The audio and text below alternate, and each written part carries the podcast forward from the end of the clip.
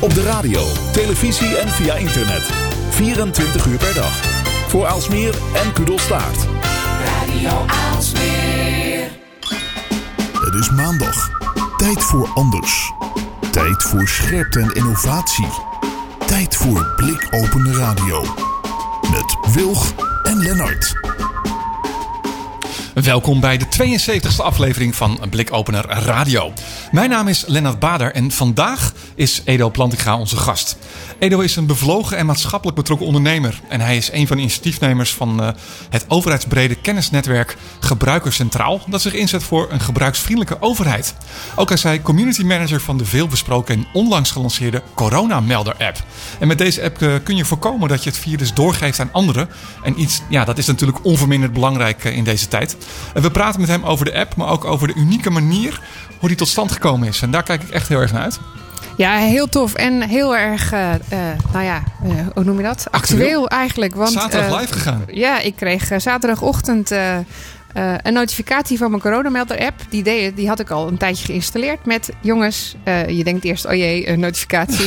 maar dat was gewoon om te vertellen dat hij het nu ook echt deed. Dat hij nu ook echt kon vertellen als er iets was of niet was. Dus live ook echt nu net. Ja. Heel tof. Um, ik kijk er naar uit om daar meer over te horen. Verder in onze uitzending, uh, ik ben trouwens uh, Esther Gons. Verder in onze uitzending uh, columnist Dimitri Vleugel, at Dim. En hij gaat het hebben over The Social Dilemma. Nou, dat is een documentaire, maar hij heeft hem gekeken. Dus ik ben benieuwd wat hij daar ons over kan vertellen. Hij staat op een, op een lijstje om te gaan kijken. Je hebt hem nog niet gezien? Nee, eh, maar moet ik wel gaan doen, begreep ik van vrienden. Dus dat, uh, dat gaat gebeuren. Okay. Uh, in de week van bespreekt Esther de blikopeners van afgelopen week. Ja, en we sluiten af met ons toetje. Columnist Herman Kouwenberg, het Hermaniak. onze Twitter-expert. En hij heeft het onder andere over een aantal beperkingen van Twitter. Nou, dat is vooral uh, in de aanloop van de verkiezingen. Omdat uh, daar nog wel eens uh, door social media dingen de verkeerde kant op kunnen gaan. De VS? in, de, ja. in de VS, ja. ja. dus hij zal ons vertellen wat ze daar precies aan willen doen. En hij besteedt aandacht aan een nieuw sociaal netwerk. Nou, daar heeft hij het al een beetje over gehad, maar daar gaat hij ons meer over vertellen. Hij heeft een invite, hoorden we vandaag. Hij heeft een echte uh, invite. Nou, genoeg reden dus om te blijven luisteren. Uh, ben je nog niet geabonneerd op de podcast? Nou, zoek dan gewoon op Blikopener Radio in iTunes of, uh, of Spotify. Um, of ga naar blikopener.radio. En als je suggesties hebt voor een interessante gast, laat het ons weten. Doe een mailtje naar post.blikopener.radio. Nou, over interessante gasten gesproken. Uh, aan de lijn, via Skype, Edo Plantinga. Edo, goedenavond. Hoi, goedenavond uh, Lennart. Nou, en Esther. Welkom, wat, wat tof dat je bij ons uh, in, uh, in de uitzending uh, wilt zijn. Um, Esther gaf het al aan, hè? afgelopen zaterdag is die live gegaan, de Corona-melder-app. Ja, klopt. Lang verwacht inmiddels. Hè? Dus hij was natuurlijk al een tijdje in proefperiode vanaf half augustus. Maar hij is nu dus sinds afgelopen zaterdag ook landelijk te gebruiken inderdaad. Ja, proefperiode of was die stiekem al gewoon een tijdje klaar? Nou, het is, uh, hij was nog niet voor heel Nederland uh, bruikbaar. Dus de, de app zelf was technisch gezien in principe klaar. Um, alleen het was nog nodig dat uh, de Eerste Kamer ook het wettelijke, de wettelijke waarborgen daar, daarvoor had neergelegd. Dus de, de wet is nu net afgelopen dinsdag door de Eerste Kamer gekomen. En dat was voor ons het startsignaal om ook landelijk te kunnen gaan gebruiken. Dus hij was al in zes GGD-regio's in Nederland was die al volledig functioneel. En daar is hij dus ook goed uitgetest. En nu dus in heel, in heel Nederland. Nou, misschien goed om voor de mensen die, die uh, ik kan me daar niet voorstellen, maar voor de mensen die het niet hebben meegekregen. Hè, er is natuurlijk best wel veel gedoe over geweest over die app. Hè, want op een gegeven moment uh, ging het vooral over privacy en over wat allemaal niet uh, zou mogen. En de overheid bemoeit zich overal maar mee en dat soort dingen. Maar, maar kun, kun je eens uitleggen wat, wat, wat de coronamelder app is?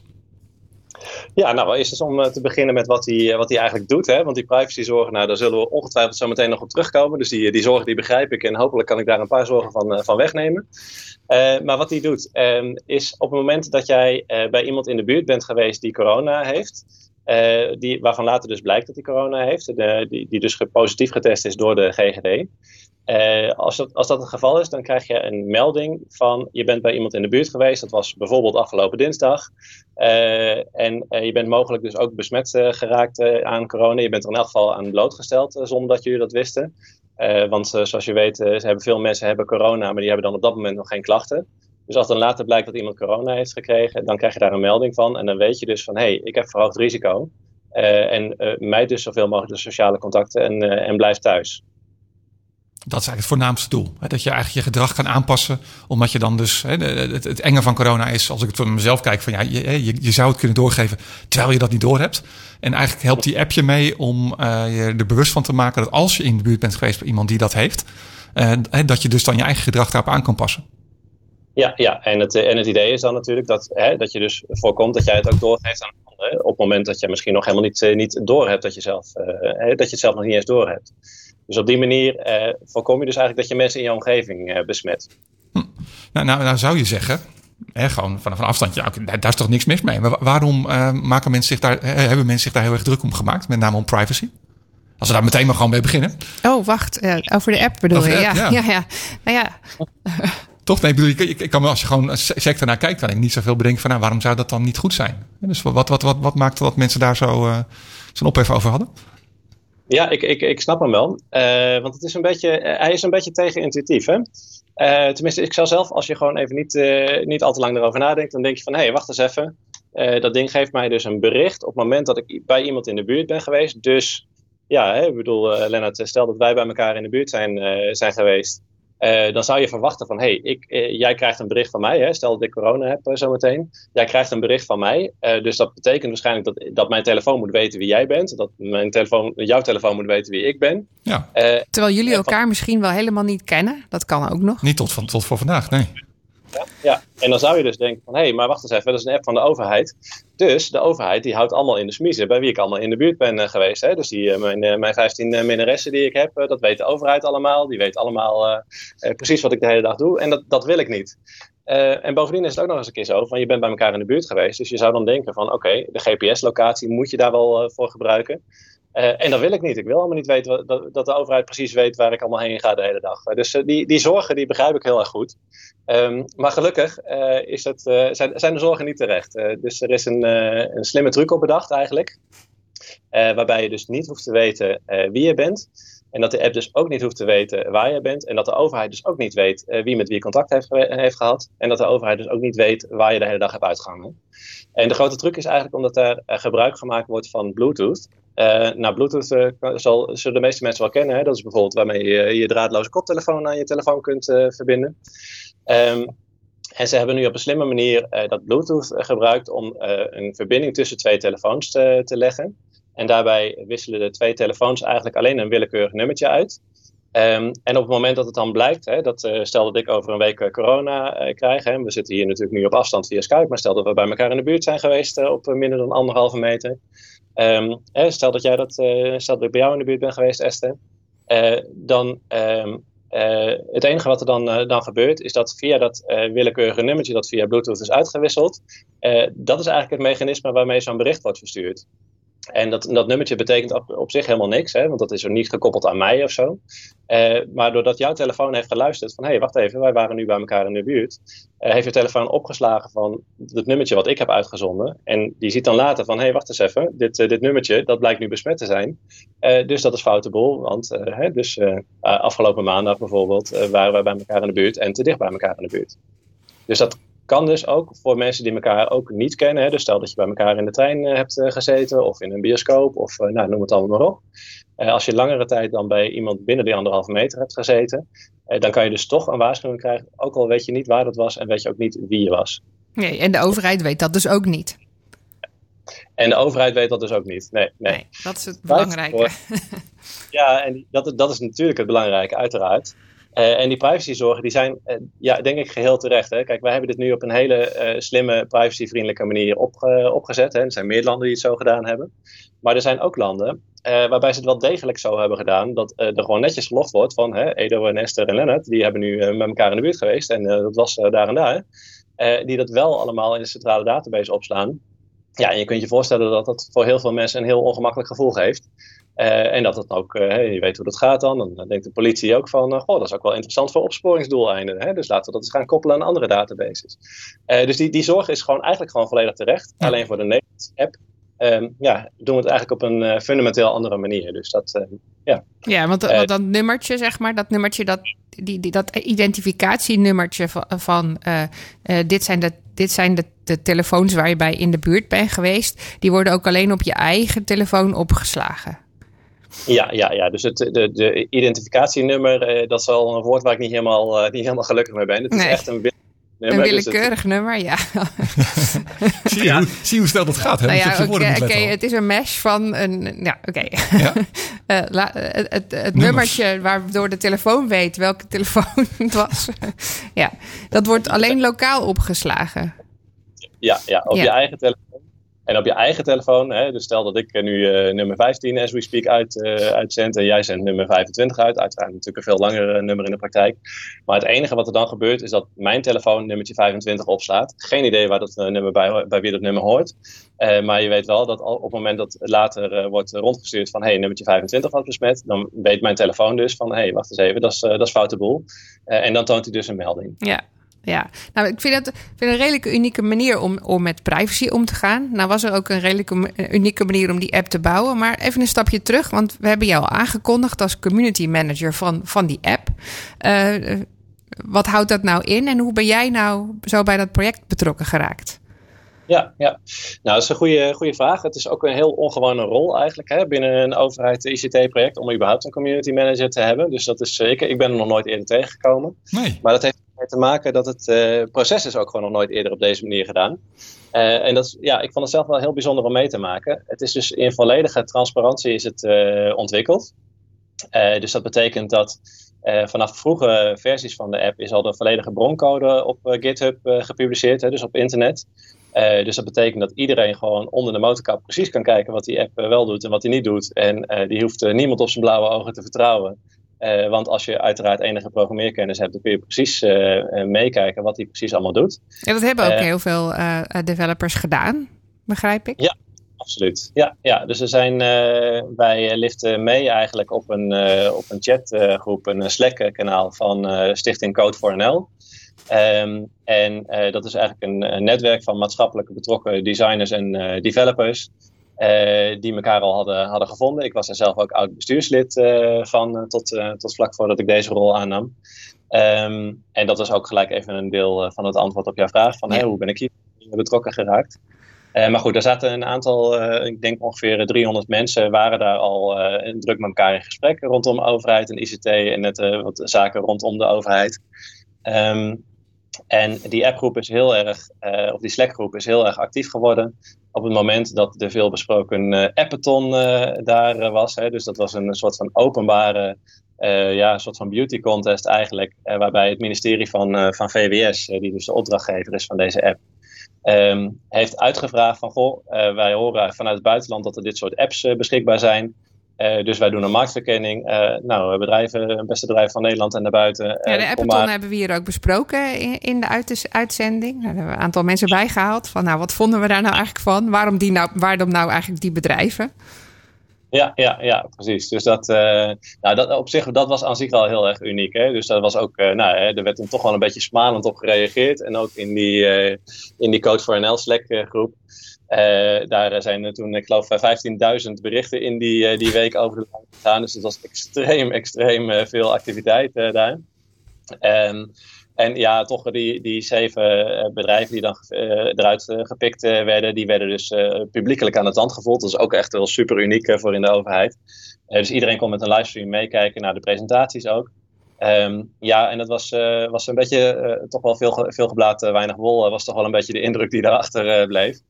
Um, en ja, normaal gesproken, laten we wel wezen, ik, eh, ik uh, loop zelf inmiddels een, wat zal het zijn, een jaartje of 15 dat ik voor de digitale overheid werk. Dus laten we wel wezen, dit is heel vaak is dit gewoon hoe het gaat. Alleen ziet niemand het, omdat het in een, in een aanbesteding gaat. en dat je mekaars aanbestedingen, wat iedereen heeft ingevuld, mag je niet van elkaar zien, want dat is concurrentiegevoelig.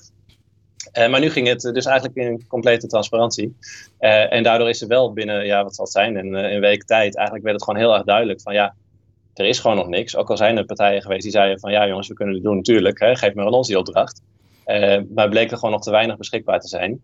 Uh, ja, en wat ik dan wel heel bijzonder vind, is dat het ministerie niet heeft gedacht van oh, dat was wel een beetje spannend. Hè, want uh, daar is natuurlijk veel in de media negatieve aandacht voor geweest. Ja. Ze ook kunnen denken van ja, god, dan, als het zo moet, dan doen we de gordijnen weer dicht. En dan, dan, dan gaan, we het wel, gaan we het wel zelf bouwen en niemand mee laten kijken. Maar ze zijn juist eigenlijk um, en ja, nog een stapje verder gegaan eigenlijk. Een stapje verder gaan, ja, absoluut. Ja. Ehm, dus de vraag was al van, ja, we willen de broncode zien. Uh, maar daar hebben ze toch wel weer een, uh, stap, een paar stappen bovenop gedaan. Door ook echt vanaf het begin, of bijna vanaf het begin, zodra het een beetje zinnig werd om die broncode te publiceren, uh, is die gepubliceerd en konden mensen dus ook meekijken. ja, en wat je dan ziet, dat doet gewoon heel veel voor het vertrouwen, maar ook voor de kwaliteit van, van de app. Maar, maar goed, jij bent dan community manager geworden. Waarom, waarom was die nodig? Wat, wat doet zo'n community manager? Nou, eigenlijk ben ik, heb ik een soort van tussenfunctie tussen uh, het, het bouwteam. Hè, want het, uh, de, de app is wel voor, uh, voor het grootste gedeelte gebouwd en ont, ontworpen. En, on, en, en alle designstudies en dergelijke, die overigens ook allemaal helemaal volledig open waren. is wel voor het grootste gedeelte door het team gedaan. Um, maar ik heb eigenlijk een soort van brugfunctie tussen het team en, en VWS en, en de buitenwereld. Uh, en die buitenwereld, dat is, nou ja, die community die is dus gegroeid tot, uh, wat is het nu, een kleine 3000 mensen die in diezelfde groep uh, zitten. Dus dat is enorm geëxplodeerd. Um, en mijn rol is vooral om te zorgen dat nou de manier waarop de broncode gepubliceerd wordt, dat dat goed aansluit bij de verwachtingen van de, van de community. maar ook dat, dat vragen goed beantwoord worden. Dus dat veel teamleden zich ook echt in, in gesprekken gaan, gaan mengen in de community. Nou, deden heel veel mensen dat gelukkig al. Dus het is echt een soort van tussen, tussenfunctie. Um, ja, en wat dat betreft, ja, goed, toch wel heel, heel bijzonder wat dat betreft om dat, dat mee te maken. Uh, juist omdat dit zo'n uniek en open proces is voor zo'n politiek gevoelig uh, proces. En ja, ik, mijn rol zat daar, zat daar middenin. Dus dat was heel erg interessant om. ja, maar zo... het, het, leek ook heel. Um actief, interactief. Want behalve dat je zegt van nou, die community was er al en die mochten meepraten, heb ik ook daadwerkelijk oproepen gezien op LinkedIn, in de Slack groep um, en uh, op Twitter van hallo. Um, uh, wie was er nou die, die al heel ver was met zelf bedenken wat nou het beste was? Welke specialisten waren er nou al met een, met een app bezig? En kunnen we die wellicht ook spreken? Ik, ik kan me herinneren dat we het gehad hebben over het design van Um, nou ben ik even zijn naam kwijt. Maar er was al iemand die was helemaal met design bezig geweest. Uh, uh, van hoe maak je nou eigenlijk uh, een super, vriend, super gebruiksvriendelijke app. En daar hebben we al over nagedacht. er waren al developers die met, zelf met appjes gekomen waren. Die die, die, en daar hebben jullie ook actief uitvraag op gedaan. Tenminste, zo kwam het over. Of, of is dat... Ja, absoluut. Ja. Ja, dus het is, uh, kijk, uh, wat dat betreft, wat heel bijzonder is, denk ik hieraan, is dat uh, VWS eigenlijk twee dingen heeft gedaan. dus iedereen die zich al heel erg actief in dit gesprek aan het mengen was, dus je, je doelt op Jelle Prins, denk ja, ik. Die, onder andere. Ja, ja die, met, een, met een aantal anderen hadden die inderdaad al een ontwerp gemaakt. Van, hè, toen dit, dit soort apps in, een beetje in de lucht hingen. heeft hij een ontwerp gemaakt van, goh, als je zo'n zo'n app maakt, dan zou het zo ongeveer eruit kunnen zien. En daar al een paar iteraties overheen gedaan. Um, maar tegelijkertijd, hè, dus, uh, en, en hetzelfde inderdaad eh, van een initiatief genaamd Private Tracer. Die hadden ook al een heel gedeelte van zo'n app gemaakt, ook volledig open source. dus die mensen zijn erbij betrokken. maar dus niet alleen de mensen die zich aan het inzetten waren. En die, die dus gewoon eigenlijk, ja, hoe zeggen dat, proactief al, al bezig waren eigenlijk met zo'n project als dit. maar ook mensen die echt heel kritisch waren, ook op het eerdere proces. Uh, en die ook heel erg kritisch op de, op de privacy uh, waren. En die, die hebben ze eigenlijk gezegd van oké, okay, uh, we horen wat je zegt. Ehm, kom ons helpen en kom, vooral, kom vooral het team versterken. Want daar hebben jullie gewoon, gewoon nodig. En ja, ze hebben gewoon eigenlijk de grootste critici hebben zij in het, in het projectteam getrokken ook. En dat is ja, toch wel heel bijzonder. Het, een heel menselijke en natuurlijke reactie voor iedereen. Niet alleen voor de overheid, maar het zijn namelijk net mensen die er werken. um, maar voor, voor iedereen. Uh, is dan toch om te denken van ja, kritiek, oh wacht even, die houden we maar even buiten, buiten boord, want dat is alleen maar, uh, alleen maar gedoe, dus uh, dat houden we op afstand. Dus toch een heel natuurlijke reflex, maar dat ze dat ja, toch aangedurfd hebben, vind ik wel, vind ik wel heel bijzonder. Ja, eens. En, en, en vind je nou ook dat je in een zo kort mogelijke tijd de allerbeste app hebt kunnen neerzetten daardoor? Van de wereld, ever, ja. Um, Kijk, uh, er zijn heel veel van dit soort, uh, dit soort initiatieven geweest natuurlijk in de wereld. Hè? Dus uh, inmiddels zijn er meerdere van, van dit soort apps ook gepubliceerd. Ook in het buitenland, vaak ook met open source broncode. Um, en ik denk dat ja, eigenlijk juist die controverse in Nederland hè, en die zorgen over die privacy, van zit het allemaal wel goed? En de autoriteit persoonsgegevens die zich vrij eh, stevig heeft uitgesproken. Ik denk dat het het juist heel erg uh, degelijk heeft gemaakt. Want ik uh, heb wel gezien dat er ja, extreem veel zorg is geweest om de privacy, maar ook om de security, maar ook om de gebruiksvriendelijkheid. Hè. Dus er zijn heel veel gebruikerstests ook gedaan met allerlei verschillende doelgroepen. van blinden tot aan laaggeletterden, tot aan mensen die het Nederlands niet, niet goed, goed machtig zijn. in verschillende talen zelfs. Dus hij is in tien talen vertaald. Dus ik denk dat in Nederland we het extreem degelijk en grondig hebben aangepakt. En, en dus ook die wettelijke, wettelijke basis daarvoor. Hè. Dat hebben ook niet alle, alle landen in het buitenland. Um, dus ja, daardoor heeft het wel wat langer geduurd. Maar ik denk dat het wel echt, ja, wat mij betreft, uh, wekt dat wel heel erg veel vertrouwen. En doet het ook veel voor de uh, gebruiksvriendelijkheid van, van de app. Dus hè, het, dat het gewoon makkelijker is in te gebruiken. Hm. En dan zei je dat het open source is. Um, betekent dat ook dat eigenlijk iedereen die eraan meewerkt dat belangeloos doet? Nee, nee wat, ik, wat ik net al aangaf, hè, dus het, het team in, bij het ministerie van VWS zelf, die hebben toch de bulk van de, van de app uh, gebouwd. Hè. Dus een, eh, een, aantal mensen hebben echt snoei en snoeihard gewerkt in de, in de, zomer, de zomervakantie uitgesteld en dergelijke. Uh, dus ja, er zijn niet veel mensen die in, wat dat betreft in staat zijn om dat belangeloos allemaal zo lang voor zoveel maanden te doen. Nee. Een paar dingen na overigens, moet ik, moet ik wel zeggen. maar de meeste mensen die, die zijn daar wel gewoon voor, voor betaald. Logisch dus ook. ja, dus het was wel het eigen team. Maar goed, zelfs uh, als het een eigen team was, dan is de snelheid waarmee deze app eigenlijk uh, verschenen is uh, voor, de, voor de overheid wellicht ook vrij uniek.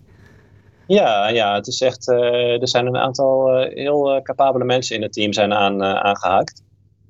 dus het is inderdaad heel erg snel gegaan. En. Um, uh, ja, ik denk ook wel dat uh, wat ook geholpen heeft. Hè, ik bedoel, wat ik zeg, het, het, het, team heeft wel de grootste gedeelte van de code en het ontwerp gemaakt. Maar wat zeker heel erg geholpen heeft, is dat er zoveel mensen hebben meegekeken en meegeholpen ook. En dat vind ik echt, ja, zie je toch wel dat het ook wel bijzondere tijden zijn nu. Dat mensen zo ervan overtuigd zijn dat dit belangrijk is om hier iets aan, om iets aan de consequenties van corona te doen eigenlijk.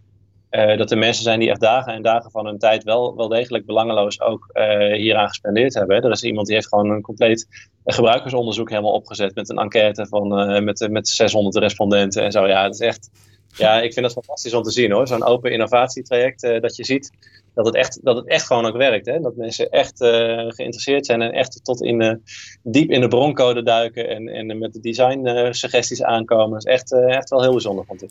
En, maar dat, dat, want dat is, dus, dat is dus echt open innovatie, dat je dat zo samen doet. Wat is nou, wat is nou, wat is nou echt voorwaarde voor dat? Want, want ja, niet, je, je moet daar natuurlijk wat iets, aan, iets in Nou, ik kom niet uit mijn woorden.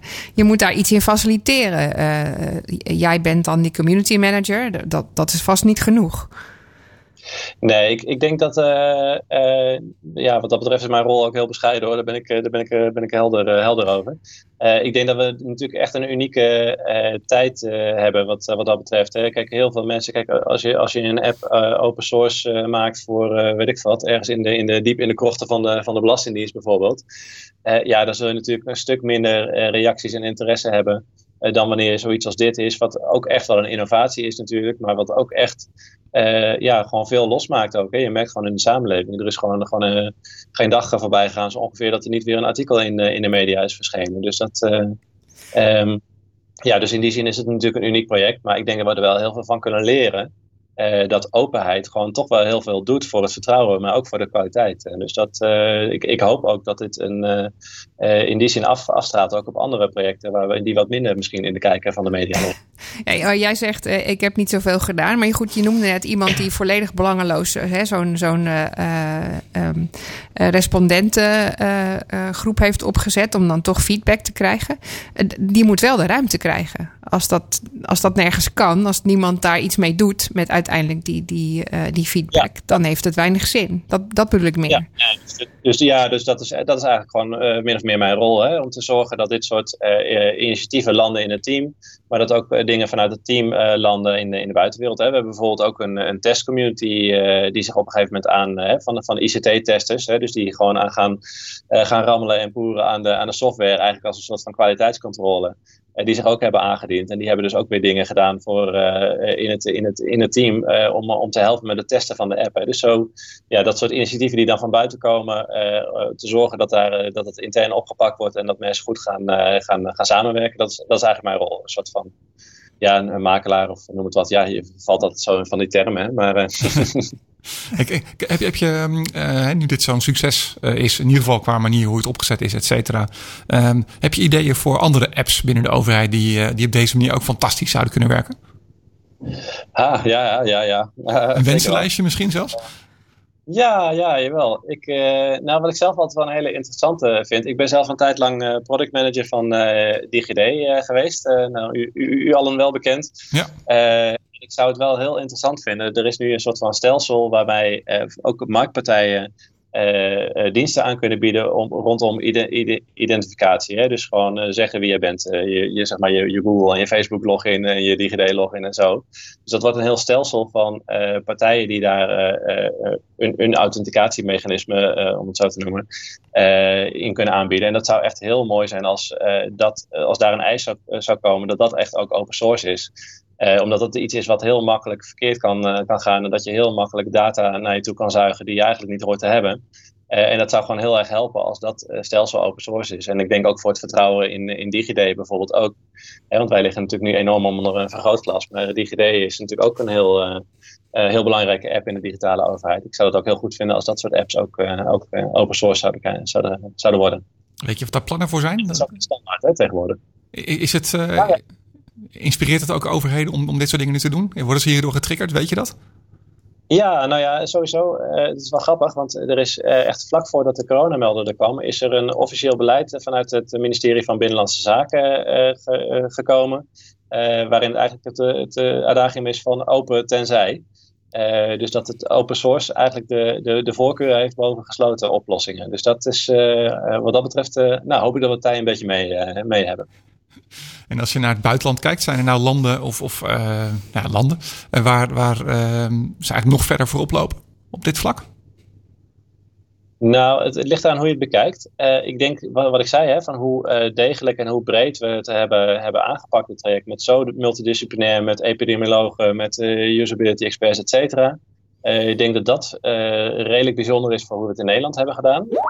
Nou, als ik kijk naar bijvoorbeeld de app in Engeland, eh, die hebben wel weer andere, eh, die hebben ook een, eh, een, vergelijkbare app gepubliceerd recentelijk. En die hebben weer bijvoorbeeld andere slimme dingen. Die hebben, dat je bijvoorbeeld kunt, kunt inchecken anoniem met een QR-code bij een restaurant. Eh, zodat je niet elke keer eh, dat gedoe hebt met eh, je telefoonnummer achterlaten en, en zo op het moment dat je, dat je er langs gaat. Ja, dat je, dat je Dus adres op een papiertje open op tafel ligt bij het restaurant. Precies, ja. precies, ja. dat, je dan, dat je dan de volgende avond gebeld wordt door de barman. dat, dat ja, idee. Hè? die, Qua, qua privacy geen feestje, zal ik maar zeggen. Ja. Nou, maar misschien is in dat kader. Ik bedoel, zijn er nog. Hè, dus de app is nu live gegaan. Ik neem aan dat het versie 1.0 is of zo. Eh, zijn er nog, eh, nog plannen om hem, om hem beter te maken of uit te breiden? Of zijn daar gedachten over? Nou, er is nu wel eh, eh, voor, de app zelf, ja, dus zo'n app is natuurlijk nooit af. Hè, dus dat, dat wordt gewoon ook, eh, continu weer, eh, weer verbeterd en nog veiliger en beter eh, gemaakt. Ehm, er is nu ook een, een tweede initiatief eh gaande, dat is nog maar net, eh, net gestart. En dat is meer echt ter ondersteuning van het bron- en contactonderzoek van de, van de GGD. Eh, gewoon eigenlijk om dat proces wat eh, te stroomlijnen en, en sneller te maken, zodat je makkelijker eh, de contactgegevens kunt, eh, kunt delen op het moment dat je meedoet aan dat bron- en contactonderzoek. Eh, want het klassieke bron- en contactonderzoek, eh, ja, daar weet, weet de GGD wel, eh, wel wie je bent en met wie je contact hebt eh, gehad. Ehm, maar dat is, dat is denk ik wel interessant om even te vertellen ook. Dus dat is niet, niet een directe doorontwikkeling van deze app, maar het is een andere app die daarnaast komt. die dan parallel loopt. Want eigenlijk is dit natuurlijk al een anonieme vorm van bron- en contactonderzoek. Als, als iedereen het op de juiste manier zou gebruiken, deze app. Ja, ja, ja. dus dat is, eh, nou ja, wat je, wat je inderdaad, hè, dus dit, of het heeft eigenlijk hetzelfde doel als bron- en contactonderzoek. Daar komt het eigenlijk op neer. Ja, Eh, want het is natuurlijk helemaal geen onderzoek, want het is allemaal eh, zo privacyvriendelijk opgezet. precies.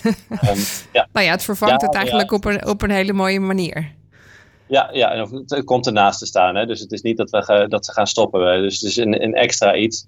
En wat met name hieraan bijzonder is, is dat het dus ook werkt voor mensen waar, die je dus helemaal niet kent. Hè? Scenario, scenario trein, zeg maar. Eh, plus, en dat is ook best wel een belangrijke, dat het ook eh, sneller is. Dus op het moment dat jij je uitslag krijgt, je testuitslag, en je blijkt eh, positief getest te zijn en dus corona te hebben, eh, op dat moment eh, in dat telefoongesprek eh, wordt, ehm, eh, geeft de GGD jou een sleutel waarmee jij eigenlijk toestemming krijgt om andere mensen te, te, ja, te, te laten melden eh, dat jij inderdaad corona hebt, eh, hebt gehad als ze bij jou in de buurt zijn geweest. Ehm, Dus dat, Ja, en dat, dat doe je zelf als gebruiker. Ja. Ja, je doet, het- je doet als gebruiker samen met de GGD. Dus de GGD die geeft jou een sleutel en die geeft je eigenlijk toestemming van oké, inderdaad, eh, helaas meneer Plantenga, u heeft eh, corona. Eh, heeft u de app? En zo ja, dan waarschuw dan de mensen bij wie je in de buurt bent geweest. Daar, daar komt het op neer. Ehm, en dat is natuurlijk heel snel, want op het moment dat ik aan de lijn hang, dan, is het al, eh, dan, dan, dan wordt het, worden mensen al gewaarschuwd. En zo'n bron- en contactonderzoek, ja, mensen moeten gebeld worden, ze moeten de telefoon opnemen, et cetera, et cetera. Dus je kunt je voorstellen dat dat al snel eh één of twee dagen duurt voordat het hele lijstje is afge, afgebeld. Eh, Gewoon een, heel, echt een zij, zijvraag hoor. Maar hoeveel mensen zijn daar wel niet mee bezig met zo'n contactonderzoek bij de GGD? Heb je daar inzicht in? Ik kan me Eh, voorstellen dat, niet. Nee, nee, weet ik niet. dat, dat lijkt me ontzettend veel werk. Ja, Ja. dat is heel veel. Volgens mij hebben ze ook altijd tekort aan mensen die dat kunnen doen. En dan ligt het weer eens stil. Dat heb ik begrepen. Vandaar dat ik de app ook zo, zo mooi vind. Ja. Want dat is eigenlijk Ja, gewoon een heel, ja. hele snelle manier eh, om Ja, dit zo ja. te doen eigenlijk. Wat goed. Ja, ook voor scholen denk ik. Eh, maar goed, dat was weer ook een sidestep. Ja, Ja, ja, ja. ik- ja, ik, eh, ik heb hem al een tijdje geïnstalleerd en ik ben heel blij dat hij het nu doet. Dus eh, nou, als iedereen dat nou doet, dan zijn we met z'n allen misschien straks weer een stapje voor. Ja, of hoeven er minder strenge maatregelen te komen Precies. of eh, dat soort Hebben dingen. we niet elke dinsdag een persconferentie? Nee. Eh, heb, je, Ja, heb, ja. heb je inzicht in het gebruik als, als afsluiter? Hoe doet hij het? Eh, ja, hij doet het eh, goed. En dan moet ik even goed nadenken. Volgens mij zag ik vandaag eh, dat hij op 2,6 miljoen eh, gebruikers zit inmiddels. Dus dat is op dag, eh, dag 2. Dus dat, eh, dag 2 dat hij landelijk beschikbaar is, zeg maar. Eh, dus ik denk dat er een hoop bedrijven zullen zijn eh, die, die goed met zulke, eh, zulke adoptiecijfers kunnen leven, zeg maar. Eh, dus dat is natuurlijk aardig wat. Maar het moeten er vooral natuurlijk veel meer worden. Want ja, op het moment dat alleen als twee mensen die app geïnstalleerd hebben, dan kan je zin, op een zinvolle manier die contacten natuurlijk in, in, in, hè, dan, kunnen, dan werkt de app pas eigenlijk. Dus het is echt wel van belang dat zoveel mogelijk mensen hem installeren en, en aanzetten. Als mensen er meer over willen weten, waar kunnen ze terecht? www.coronamelder.nl Kijk, nou dat is eh, volkomen duidelijk. Ehm nou, Edo, hartelijk dank voor je, voor je duidelijke uitleg en je bijdrage eh, aan deze uitzending. En natuurlijk voor je goede werk aan, aan deze mooie app. Nou, heel fijn dat, eh, dat ik mijn verhaal hier kon doen. Eh, en eh, vooral downloaden allemaal. We gaan het doen. Dankjewel, eh Edo. Ehm nou ja, dat, eh, de app, Esther. Heb jij hem? Ja, ik heb hem vandaag geïnstalleerd. En eh, het ging inderdaad allemaal verrassend eh, soepel en, eh, en goed. Dus ik, eh, hij staat erop. Nou, heel mooi. Ja, ik had hem al een tijdje. Ik vind het echt supergoed. Eh, Ze, ze doen bijvoorbeeld eh, bij mijn, eh, bij mijn zoon op de, op de filmacademie al een tijdje zelf na wat er nu eigenlijk in de app gebeurt. Hè. Dus als daar iemand het had, dan werd, je, werd ook iedereen ging, in, in, ging zelf in quarantaine als je, als je dichtbij was geweest. En eh anderen waarschuwen die dan iets verder weg waren geweest. Eigenlijk kan dat hele systeem wat ze daar op school hebben nu op, opgelost worden door allemaal de app downloaden. Ja. Nee, ik neem aan dat bedrijf. Ja, je kan het niet verplichten natuurlijk, maar ik zou dat. Nou ja, je kan natuurlijk, omdat zij zelf al daar heel erg, zij waren er zelf al heel erg mee bezig, want ze wilden graag dat de school open bleef. Dus zij deden dit ook uit hunzelf. Met Ja. z'n allen hadden ze dit afgesproken. Nou kunnen ze net zo goed met z'n allen afspraken spreken. Doe die app. Doe die app. Ja, Ja. precies. Tim, heb jij hem al? Die app? Nee, al, al vanaf dag één. Precies. Ja. Dus jij Ja. krijgt ook die notificatie eh, op zaterdagochtend. Eh, ja, op zaterdagochtend. En als ik even mijn Bluetooth uitzet, dan eh, staat er netjes dat je niet meer registreert. Dus ja, ik, eh, ik ben een grote fan. ik, ben, ik ben een grote fan van het proces. We hebben met Android World ook al een paar interviews gehad met, met ontwikkelaars en met de mensen die achter de privacy zitten. Dus dat is super interessant. En ik, ik snap ook niet dat er nog steeds zoveel kritiek is en dat mensen nog steeds denken dat het een soort tracking systeem is van de overheid en Bill Gates. En, Ja, ik vraag me ook af of die mensen wel het proces hebben, hebben eh, nou ja, gevolgd eigenlijk. Hè? Want we hebben jou natuurlijk al een keer in de uitzending gehad over eh, aan, aan het begin met die, met die appathon. En toen Hm. nog een keer tussendoor van hoe gaat het nou eigenlijk met die app? Hoe zijn ze daarmee bezig? Eh, maar misschien moet je wel eh, wat dieper in de, in de technologie zien zitten om, om gezien te hebben hè, op GitHub dat dat echt open is en dat het best, best heel veilig is hoe ze het nu bedacht hebben. En dat er heel veel mensen mee bezig zijn geweest. Misschien is dat nu Ja. pas, dat mensen dat nu pas krijgen te horen. Ja, nou ja, ik, ik denk dat het twee, drie problemen zijn. Ten eerste is uh, begrijp het lezen. Daar heb ik zelf ook wel eens moeite mee hoor. Want als je, als je gewoon even wat voorbij ziet komen, dan, dan lees je wat en heb je een beeld. Maar ja, heel dat vluchtig. is wat anders dan even de tekst even snel lezen. Uh, ten tweede is dat uh, mensen zich niet, zichzelf niet informeren. Dus niet eventjes wat googelen en wat, wat artikelen lezen. En, en, ja, en ten derde is er heel erg het, het, het groepsgevoel. Uh, mensen vinden het fijn om in groepen uh, uh, te zijn en dan zich achter iemand te verschuilen. En dat is nu ook heel erg aan de hand. mensen hebben ergens iets gehoord en dat klinkt ze heel erg redelijk in de oren. En, en als je dan vraagt, ja, maar waarom denk je dat? Ja, dat, dat heeft hij gezegd, of dat heb ik gelezen op Facebook, hè, dat hoor je helaas te vaak. En dat, dat zijn de drie zaken. Dus, en um, ja, dat is een groot probleem, want je krijgt vaak toch wel te horen van ja, maar ik denk toch dat het zo is. En wat prima is hoor, want ik ben een groot voorstander van uh, verschillende meningen en dat mensen ook kunnen zeggen dat ze het er niet mee eens zijn. Dus uh, en, en mensen moeten ook, als ze willen protesteren tegen whatever, moeten ze het gewoon doen. Maar dan hoop ik wel dat de dialoog uh, er blijft. En dat nou, dan hoop ik dat er blijven. nu heel veel mensen ja. bij ons willen horen. En allemaal die ja. app gaan downloaden. ja, nou ja, goed. 2,7 miljoen is, is toch best wel vet, toch? Absoluut. Ja, we moeten natuurlijk wel richting die 10, denk ik.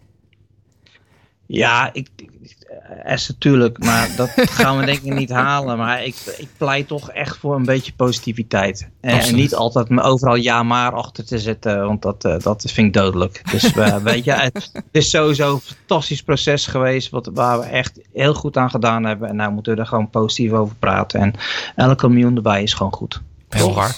Uh, Dimitri Vleugel van androidwild.nl, onze, uh, een van onze columnisten. Uh, Dim, jij zei, we gaan het hebben over um, de social dilemma. Ja. Ja, ik heb uh, samen met mijn vriendin Bezit heb ik de Social Dilemma gekeken in, ons vakantiehuisje in Drenthe. Um, een een, een documentaire op Netflix um, die al ja, breed besproken is op social. waar veel mensen ook al tegen mij gezegd hadden van die moet je zien. Nou ja, ik hoor dat jullie hem ook al aangeraden was. Een documentaire waarin door mensen die social netwerken, sociaal netwerken hebben gebouwd, wordt gezegd van gebruik ze niet meer. En dat klinkt heel tegenstrijdig. So, uh, social media is ooit gemaakt als van kijk eens fantastisch, technologie brengt mensen dichter bij elkaar. En dat is ook zo. Alleen gaandeweg, vrij snel is social media ook gebruikt om mensen um, ja, eigenlijk verder uit elkaar uh, te brengen en om mensen te volgen. En in de documentaire wordt dat eigenlijk uh, in beeld gebracht. Um, uh, ik, jij, heb jij hem al gezien, Esther? Nee, ik heb hem nog niet gezien. Nou ja, dit is een, hij is erg Amerikaans gemaakt. Er, er zit ook een soort uh, verhaallijn in. En met, met gespeeld verhaal zit er ook in. En dat voor Nederlanders is dat, doet dat een beetje, ja, een beetje samengeknepen billen, zeg maar. uh, ik vond het niet nodig, alleen het, het is wel, voor de mensen die niet zo diep in de tekst zitten, is dat wel heel fijn, want het is heel erg beeldend van wat er gebeurt. Uh, en mijn grootste um, um, tegen, tegen deze verder hele goede uh, documentaire is dat er, ze komen niet met oplossingen. Het is anderhalf uur lang ach en wee. En, wat, wat, en helemaal terecht. Maar aan het eind zeggen ze alleen van ja, je moet je kinderen wat minder met een telefoon laten spelen. En dan is de documentaire gestopt. En waar ik nu heel erg benieuwd op ben, want social media is nu zeg maar uh, heel slecht en donker en negatief. En advertenties zijn slecht en Google is slecht. Maar ik denk dat er wel een middenweg in is. En daar ben ik zo benieuwd naar van oké, maar we kunnen dit gewoon fixen met z'n allen. Ja, ja. Dus het, het, gaat, het vertelt gewoon vooral over de gevaren, maar niet van hoe, ja. hoe kunnen we nu een beter uh, ja. social netwerk nou ja. maken. Kijk, ik vind, ik, vind um, de, een van de dingen die terugkomt is dat Google uh, heel goed uh, en Facebook ook heel goed profiel van jou kan maken. Wie jij bent, met wie jij praat, waar je van houdt. En dat je op zaterdagochtend naar Little Boodschappen doet. En, en, en welke website je bezoekt. En dat is allemaal heel erg donker en negatief en erg. Maar dat, ik, ik, dat is te zwart-wit.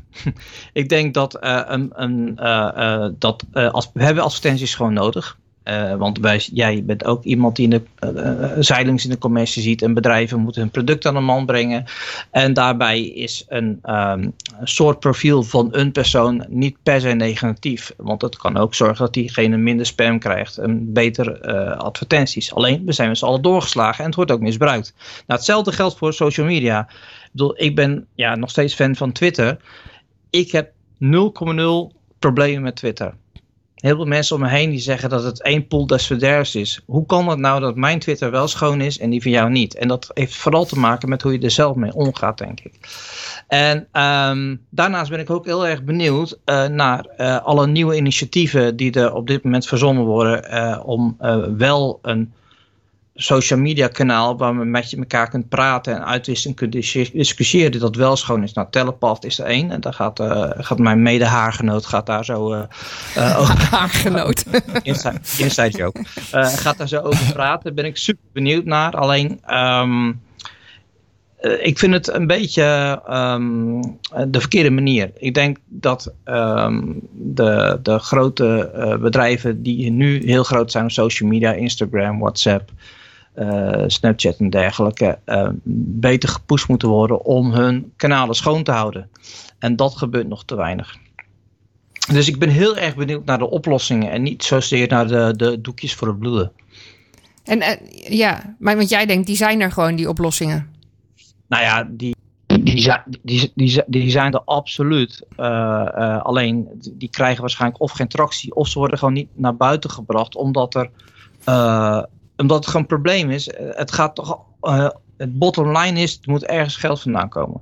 Dus je hebt toch altijd een, een soort van commercie nodig om zo'n app op een gegeven moment uh, te kunnen laten bestaan. En dan sta je weer aan het begin, van de cirkel van hoe ga je dat dan doen. We weten allemaal dat abonnementen, nou zeker bij Hollanders, die, de, ik bedoel, de, de, ooit moest je een euro betalen voor WhatsApp om het jaar te gebruiken. En dat, toen zei ik heb ooit een enquête gehad op Android. Toen zei gewoon 60% zei, ja als ik een euro moet betalen, dan doe ik het niet. Kun je niet voorstellen, uh, uh, dat is een groot probleem. Dus ja, um, ja ik, ik, vond, ik, ik vind het heel goed dat het aan de kaak is gesteld. Alleen, ja, ik. Uh, en er zijn, er zijn een aantal websites ook. Um, ik, ik, ik heb ze even niet meer hoofd zitten. Die allemaal PowerPoints geven en je oproepen om actie te, te nemen en dergelijke. Maar geen enkele komt met een oplossing. En dat staat me heel erg tegen. Want dat is, staat heel erg haaks op uh, wat wij allemaal op het internet doen. En dat is juist oplossingen zoeken voor problemen. Ja, met z'n allen ook het liefst, uh, zoals we net uh, ja, al hoorden. Uh, ondertussen ja. is jouw haargenoot, zoals je zelf zei, Herman. Her ook Herman. Herman, ook aangeschoven bij, bij dit gesprek. want jij riep net al van, nou ja, die gaat het er ook straks over hebben. Er is, er is nu een social netwerk die het wel anders probeert te doen, Telepath. Herman, jij, jij hebt een invite van Telepath. weet je al een beetje hoe dat anders is? Nou, uh, ik heb sinds vanmiddag uh, vier uur ongeveer, kreeg ik van Matt Navarra kreeg ik, uh, een in beta-invite. Dus ik denk dat, ja, sorry. dus, ik, denk, ik denk dat, ik las van de week dat er 4000 mensen nu in zitten. Ik denk dat ze het hard aan het uitdelen zijn. Dus ik denk dat we nou met een half 10.000 zijn. En ja, het, het, is, het is eigenlijk een beetje zoals Twitter vroeger was, hè.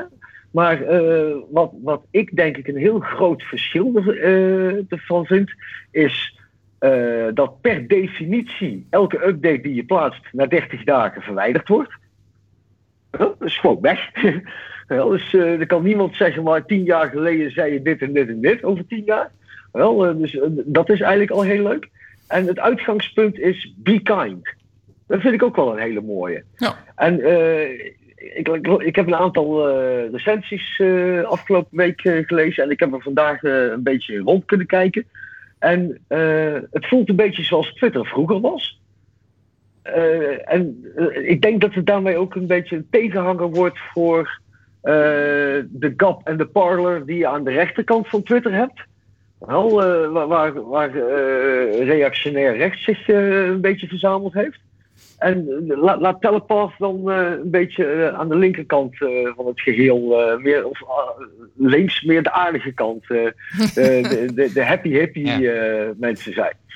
Wat, wat ook belangrijk is, Herman, toch? En, misschien kun je dat over vertellen, is dat ze een eigen moderator team hebben. Dus ze hebben zelf een Ja. team wat, eh, wat alle kanalen gaat kijken of daar niets tegen de regels eh, wordt gedaan. En daar kunnen ze dan heel snel tegen, eh, tegen optreden. En wat ik ook hoorde erg is, is dat ze zeg maar, stel je voor dat wij een, een, een gewoon normaal gesprek hebben, wat, wat niet tegen een of andere racistische regel is, maar als die gewoon niet voldoet aan de richtlijnen van Telepath, kunnen we ook verwijderd worden. Kunnen ze zeggen, jongens, weet je, hier is Telepath niet voor, stoppen. Is, het is echt, eh, bijvoorbeeld, je hebt eh, mensen die eh, eh, op, op elke post heel snel proberen te reageren, omdat ze dan eh, via de algoritmes eh, een post naar boven kunnen krijgen. Als ze ontdekken dat je dat doet, krijg je een waarschuwing.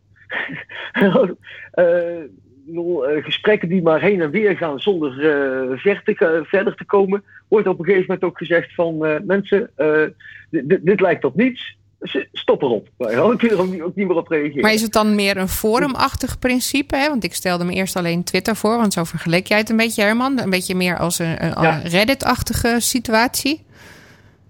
Nou, ik, denk, ik denk dat het, eh, zeker ook omdat het op, rond allerlei onderwerpen gaat, wel, eh, heb je al meer een, een Reddit-achtige situatie. En eh, ik, ik zie dat ze ook bijvoorbeeld getrapte commentaren hebben.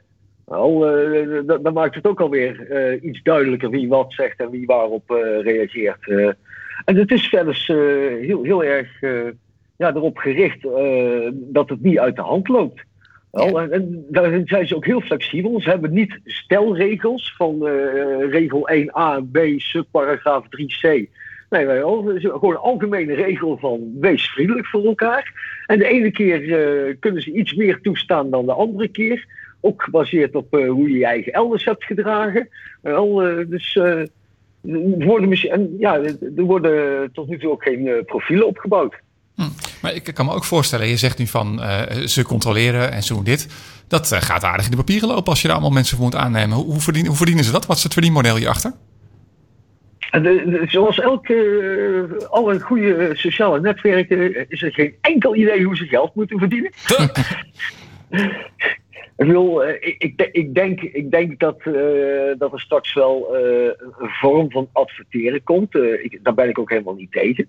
Ik bedoel, er zijn allerlei verschillende platformen die, die gaan over huisdieren. Waar nou, laat die kattenvoer advertenties maar komen in de, de sectie over katten. Wel, maar dan, zoals het. Ja, ik loop al heel wat jaren mee. dus ik heb vroeger nog meegemaakt dat we de eerste banners op websites eh, lieten zien. En die waren gewoon van: hé, hey, we maken een channel eh, eh, wat rond een bepaald onderwerp gaat. En daarin kunnen adverteerders die graag met die mensen willen communiceren, eh, die, die toevallig van dat onderwerp houden, die kunnen hun banners daarop kwijt. Wel, en pas daarna gingen we allemaal cookies toeschrijven. Ja, ik, ik vind het, ik vind het eh, interessant en ik ben ook erg benieuwd wat jij ervan vindt als eh, Mr. Twitter Nederland. Ehm, eh, om, ja, wat ik net ook zeg, ik vind het prachtig zo'n initiatief, maar ik zou liever zien dat, dat, dat, dat, dat, Twitter zelf op dit moment zulke soort zaken zou gaan doen. En ik ben heel erg benieuwd hoe Telepath straks eh 1 miljoen comments per dag gaat modereren, want dat, volgens mij wordt dat de grootste werkgever van de wereld dan, denk ik. Nou ja, precies. En ook hoe gaat het zich verhouden? Hè? Want, met tien, want Twi- Twitter was ook leuk toen het nog eh, he- heel weinig mensen had. Eh, toen kenden we elkaar allemaal. En toen zaten we bij elkaar in de kroeg. Ehm, eh, maar dat, dat werd een probleem toen het mass media werd. Hè? Dus, dat, dat de hele wereld erop zit. Dus, eh, ja, ik kan me voorstellen dat we moeten afwachten hoe, hoe Telepath daar dan zich in ontwikkelt. Nou, ik, ik, ik denk dat Tel- Telepath een paar voordelen heeft. Eh, wat, wat Twi- Twitter betreft, daar kunnen ze heerlijk van wegkopiëren. En Twitter is nu met eh, Birdwatch aan het experimenteren eh, om de wisdom of the crowd in te zetten. eh, bij het beoordelen van wat wel en niet kan. Daar hebben we het eh, vorige twee uitzendingen geloof ik een keer over gehad. Eh, dat zijn experimenten die nu plaatsvinden op Twitter. Waarbij je als gebruiker notities aan een tweet of aan iemand zijn account, maar eigenlijk meer aan een tweet kunt toevoegen. Waarom je vindt dat iets wel of niet door de beugel kan. Nou, en op basis van hoe jij dergelijke tweets beoordeelt en in hoeverre dat eh, in overeenstemming is met eh, hoe Twitter daarop reageert, krijg je ook macht om eerder eh welke accounts of, of tweets minder zichtbaar te maken. En Twitter heeft daar in aanloop van naar de aanstaande verkiezingen hebben ze daar al een heel eind van laten zien welke kansen op willen. Ze gaan van bepaalde content gaan ze blokkeren dat je het zomaar kunt retweeten. Dan forceren ze je in eerste instantie om er een quote tweet van te maken. Bedoel, eh, die- dat soort dingen worden op dit moment uitgerold. En dat is dan om te voorkomen dat je klakkeloos zegt, eh, hopla, retweet. Eh, maar, en, Ja. en je forceert van, nou wil je dit wel retweeten? Weet je eigenlijk waarover het, over het gaat? En kun je er zelf eens even wat bij zeggen? als je niet op de link geklikt hebt, eh, die in een tweet staat bijvoorbeeld, en je wilt het retweeten, dan eh, krijg je sowieso al een geforceerde quote tweet. En dan wordt je ook nog even verteld dat het discutabele inhoud is die je eigenlijk nog niet gelezen hebt. Nou, ik als je dan toch nog eh, doorgaat, dat zijn eigenlijk al drie stappen die je tegen moet overwinnen om het dan toch nog te doen. En ik denk dat dat eh, qua volume eh, misschien wel een hoop gaat schelen. En die hard toch doorgaan. Maar zoals heel vaak heb je vaak accidental victims die, die op klakkeloos op retweet klikken, omdat ze denken dat ze het ermee eens zijn. Ja, ik vind het ook wel positief hoor. Want ik, en ik ben ook niet tegen dat eh, extreem links of rechts helemaal weggefilterd wordt. Want zoals ik net ook zei, die heb je gewoon nodig om ook je eigen mening te kunnen vormen. Ehm, maar ik, het, hey, ik, ik maak me er ook wel eens aan schuldig als iemand ziet, eh hey, Esther die tweet iets en dan denk ik bij mezelf, ja het zal vast wel goed zijn. En dan retweet ik dat omdat ik haar vertrouw. Maar er kan natuurlijk ook best wel iets, iets tussen staan ja, wat gewoon, wat gewoon niet, eh, niet, eh, niet zo goed is. Ja, als ik per ongeluk op retweet heb geklikt. Dat heb ik gelijk zijn. Mijn, timeline is ook vrij schoon. Ja, maar, en, maar, maar dat vind ik een van de grootste eh, dingen is dat je, je kiest zelf ehm, je netwerk. Je kiest zelf degene die je volgt. En ik, ik, bij Twitter gaat dat supergoed. Ik ben bang dat het bij Facebook eh, iets moeilijker gaat. Ik, ik ben nooit een fanatieke Facebooker geweest. En zeker op dit moment niet. Ik bedoel, als ik depressief wil worden, dan ga ik wel naar Facebook. Nee, dat is niet helemaal waar natuurlijk. Oh, dan kijkt iemand mij heel boos aan van rechts. nee, maar goed, weet je, de, eh, ehm, eh, ik denk waar Facebook heel goed in is, is je eh, mensen om je heen verzamelen die gelijk met jou denken. En als je van voetbal houdt of van een bepaalde band, is dat natuurlijk supergoed. Alleen als je natuurlijk, als het gaat om politiek, is dat, is dat, ehm, ja, is, is dat, moet je ook tegengeluid horen. En ik heb het idee, eh, Herman, dat het op Twitter minder is. Ja, Twitter is wat dat betreft eh, zeker eh, door de Twitter-in-chief in Amerika erg ook geradicaliseerd op sommige vlakken. Dus of je dat nou snel we- weet terug te brengen. Maar eh, ik ben het met je eens, als je heel duidelijk kiest wie je zelf volgt, dan, eh, dan kun je daar een heel eind eh, mee, mee vrijwaren. En daar heb ik nog een tip voor eh, de, de, de niet-Twitter-bekende. Als je naar iemand zijn profiel gaat, dan eh, vind je daar ergens drie knopjes waar je op kunt klikken. En dan kun je retweets van die persoon uitschakelen. Oh, dat is handig. Oh, dat wist ik helemaal niet. dat wist ik helemaal niet. Ah, dat dus scheelt al een hele het scheelt hoop. een hele hoop in je timeline. ja. Ja, maar dat is als, inderdaad het probleem. Want eh, daardoor krijg je heel veel uh, uh, air quotes uh, vuiligheid uh, in je timeline. Die je misschien niet wil zien van iedereen. Nee, en da daarom uh, zeg maar, uh, ja, sowieso, uh, ik, ik, heb maar heel weinig mensen op mijn bloklist staan, verhoudingsgewijs. Maar er staan een paar accounts in waarvan ik denk van, nee, nee, die hoef ik niet echt te zien. en als ik per se wil weten wat ze getweet hebben, dan ga ik wel naar hun account toe. En dan kan ik zelf aangeven dat ik ze deze keer wel wil zien. En dan kan ik er gewoon nog naar kijken. Nou, ik vind het een interessant uh, discussie. Ik ben, ik ben benieuwd of, uh, of, of, of, waar we over een half jaar staan of over een jaar. Uh, als als laatste nog, uh, heren, hebben jullie zelf, want jij hebt dat Social Dilemma gekeken, um, Dim, Herman misschien niet, dat weet ik niet. Hebben jullie zelf ik, ik ook nog oplossingen? Dat je zegt van nou, misschien moeten we meer daarheen of ik zie dit als oplossing? Nou, ik denk sowieso, ik weet niet of Herman het met me eens in, regulering. Er, is, er zijn geen regels. Ik bedoel, er zijn geen, geen regels waar bedrijven aan moeten voldoen. En Europa is daar voorloper in.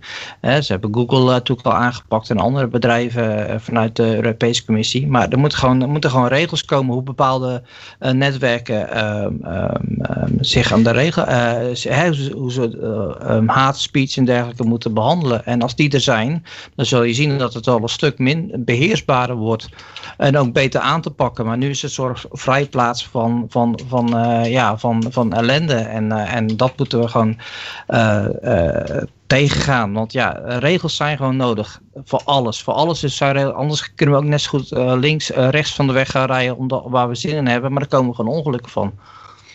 En aanvullend daarop, zonder handhaving heb je geen regels. Wel, als je alleen maar regels opstelt en je handhaaft ze niet, dan uh, dingen. Vandaag heeft Facebook bekendgemaakt dat ondanks wat ze een aantal jaar geleden nog zeggen, vanaf nu Holocaust-ontkenners content zal worden verwijderd. Ja. Wel, nou, een aantal jaar geleden gebruikte Mark Zuckerberg dat, geloof voor het congres nog als argument waarom uh, Facebook bepaalde dingen wel laat uh, blijven staan. Dus ja, je, je krijgt daar ook voorschrijdend inzicht van uh, ja, welk monster ze misschien wel gecreëerd hebben. En ik, ik ben het met Dim eens dat de social dilemma een paar steken laat vallen door helemaal geen, heet het, geen oplossing te bieden. Ik, ik, las van de week zelfs dat een van de meisjes die op TikTok opgevoerd wordt als conspiracy-verspreider, bij nader inzien dat als je het hele filmpje bekijkt, dat dat een parodie was op een conspiracy-verspreider. ja. En dat het meisje van kennis moest horen dat ze in de film zat. en mij, mij, mij, lijkt zo iemand ook niet heel moeilijk te bereiken via een DM of zo. Dus nee, uh, daar dacht ik ook van, dat had beter gekund. Ja, had ik ook. En wat, wat grappig is, ik heb me nu voor een aantal nieuwsbrieven ingeschreven van de Social Dilemma website zelf. Maar bij geen enkele van die nieuwsbrieven moet je het ontvangst van die nieuwsbrief bevestigen. dus je wilt je e-mailadres in en, dan sta je er gewoon in. En dat oh. zijn allemaal van die hele simpele dus, dingen. Die dus eigenlijk, ja precies, doen ze het zelf ook niet. Maar ik vind het eigenlijk wel mooi. Jullie zeggen, uh, jongens, die Social Dilemma, uh, we hebben een, een nieuwe wereld online gebouwd. En misschien moeten we daar ook wat meer universele regels en politiek voor hebben om dat goed uh, te kunnen doen. De boa's van het internet. Precies. Dank jullie wel voor je bijdrage, heren, vanavond aan uh, deze uitzending van Blik Open Radio. We moeten door, want we hebben nog een heel klein staartje week van. Ja, nou ja, die, die doen we gewoon lekker kort. Want we hadden een leuke discussie. Soms kan dat gewoon spontaan ja. hier op de radio. Zeker. Um, maar er, er, was iets opvallends uh, deze week waar ik het toch even op, over wil hebben. Behalve dan dat we morgenavond uh, naar de persconferentie en naar de Apple-event moeten kijken waar ze nieuwe ja. iPhones aankondigen. Uh, nieuwe iPhones, waaronder een kleintje, maar wat vrij uniek is. Maar ook wellicht een nieuwe HomePod. Hè, dus in plaats van die grote die, die je alleen nog uh, in, uh, in het buitenland kon krijgen, misschien ook een kleintje. Kwam ik ook tegen dat uh, de Amerikaanse overheid, de zogenaamde Justice Department, de DOG, besloten heeft dat ze misschien wel Google veel te groot aan het, aan het vinden worden. Dus zij zeggen ja, die, dat Google dat is, dat is zo groot, zo machtig. daar willen we eens even naar gaan kijken. Hm. en daar moet iets aan gebeuren. En een van de oplossingen zou kunnen zijn. Misschien moeten ze dan Chrome wel afstoten. Want door Chrome, die, die browser die, die je kan gebruiken, krijgen ze veel te veel informatie binnen die ze voor de rest van hun bedrijf dan ook weer gebruiken. Nou, dat, dat is een hele bijzondere. En ik ben benieuwd eigenlijk hoe dat, uh, hoe dat verder gaat. Dus dat houden we in de gaten. Maar dat is een heel unieke nou. ja, beslissing eigenlijk van de Amerikaanse overheid. en nog heel kort, wat ik zelf interessant vind, is um, nachttreinen. Ik weet niet of je dat gezien hebt in het nieuws. Nee. Uh, maar er is een hele grote trend uh, om de nachttreinen weer in te voeren. Uh, door de, door corona en het was al een trend die gaande was, is vliegen eigenlijk een beetje in, in opspraak geraakt. Hè, van, er, er zijn al woorden voor bedacht. vliegschaamte bijvoorbeeld. Ja. Um, en voor corona was, waren een aantal overheden ook al bezig met het weer herintroduceren van nachttreinen. Die je dan binnen een nacht heel snel ergens in Europa kunnen brengen. In Zweden is er bijvoorbeeld uh, de nachttrein weer terug naar de, de Alpen geïntroduceerd. Uh, maar ook de Oostenrijkse uh, Uh, Nightjet is een van de bekendste in Europa. Die, die nachttreinen heeft, uh, die, die zelfs uit Nederland rechtstreeks naar de Alpen rijden. Uh, maar de aantallen reizigers zijn ook gestegen. En dat is heel grappig. want het aantal gewone reizigers per trein is, is natuurlijk gedurende COVID gedaald. Ja. maar die van de nachttrein die bleven redelijk stabiel. En er worden veel meer nieuwe lijnen geïntroduceerd door heel Europa. Dus is er een trend gaande om de nachttrein weer terug te brengen in Europa? Hmm. Ik vind hem wel leuk. Interessant. Mooie ja. afsluiter voor deze aflevering uh, Blikopener Radio. Uh, ga naar blikopener.radio als je aflevering wilt terugluisteren. Of abonneer jezelf op de podcast uh, via Apple of, of Spotify. En volgende week hebben we weer een nieuwe uitzending. Fijne week.